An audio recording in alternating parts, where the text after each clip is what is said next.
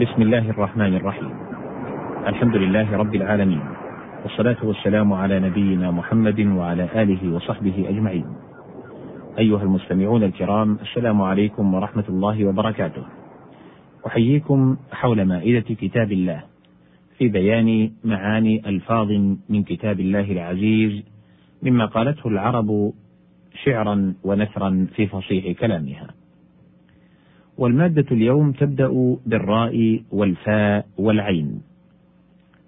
قوله تعالى في سورة النور في بيوت أذن الله أن ترفع أي تشرف وتنزه على معنى أنه لا يذكر فيها إله غير الله ولا تقرب بصنم ولا نجاشة كما كانت الجاهلية تفعله في البيت الحرام وقيل تعلن وقوله خافضة رافعة أي تخفض قوما إلى النار وترفع آخرين إلى الجنة. الراء والفاء والقاف. قوله تعالى في سورة الكهف: ويهيئ لكم من أمركم مرفقا، أي ما يرفقون به. وفيه وفي العضو المعروف لغتان، مرفق بفتح الميم وكسر الفاء والعكس مرفق. وقد قرئ بهما فصيحا.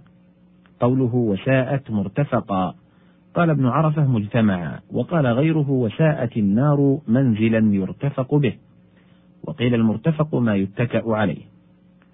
وقوله تعالى وحسن أولئك رفيقا قيل هو جمع رفيق فاستوى فيه الواحد والجمع والرفق التؤدة والمهلة ومنه اللهم ارفق به الراء والقاف والباء.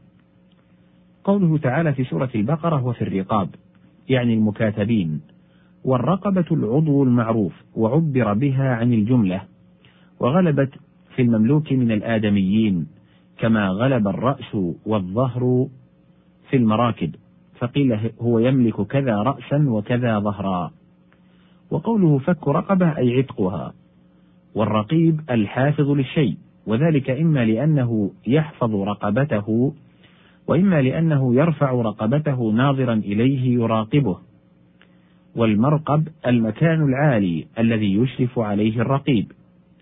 والارتقاب الانتظار ومنه الرقبة والعمرة وهو قوله أرقبتك هذه الدار أي ملكتكها مدة حياتك فإذا مت عادت إلي فهو ينتظر موته. وقوله خائفا يترقب أي ينتظر ويتوقع ماذا يكون. وقوله فارتقب أي انتظر. والرقوب المرأة التي تنتظر موت ولدها لكثرة ما مات من الأولاد. ومراقبة الله تعالى مراعاة حدوده وأوامره ونواهيه. وقوله لا يرقبون في مؤمن إلا ولا ذمة أي لا يحفظون.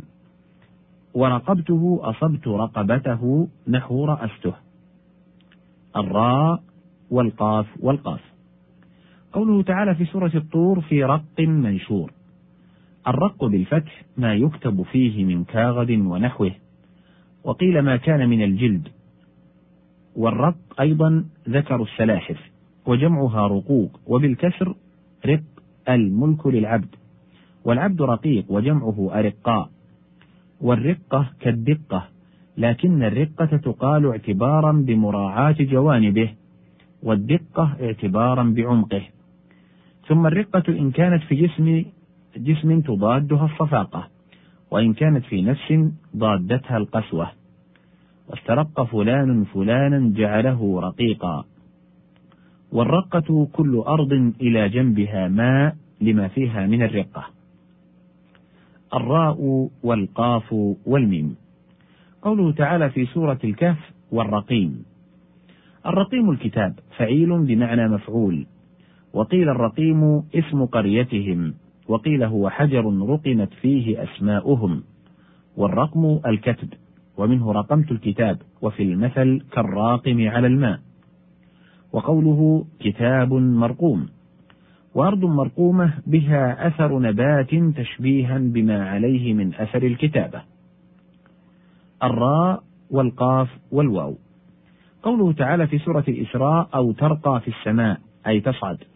يقال رقي في الدرج يرقى رقيا. وفي المثل ارق على ضلعك وإن كنت ضالعا وقوله من راق يقال رقاه يرقيه رقية إذا عوذه وفي الحديث وما يدريك أنها رقية فمعنى من راق لا حامي له منه كقول أبي ذؤيب وإذا المنية أنشبت أظفارها ألفيت كل تميمة لا تنفع.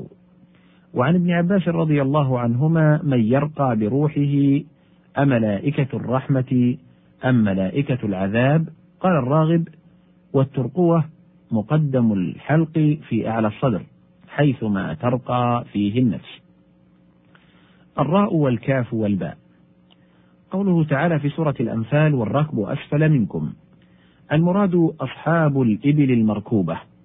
قال تعالى فمنها ركوبهم وجمعها ركب بضمتين والركاب المركوب أيضا وجمعها ركائب.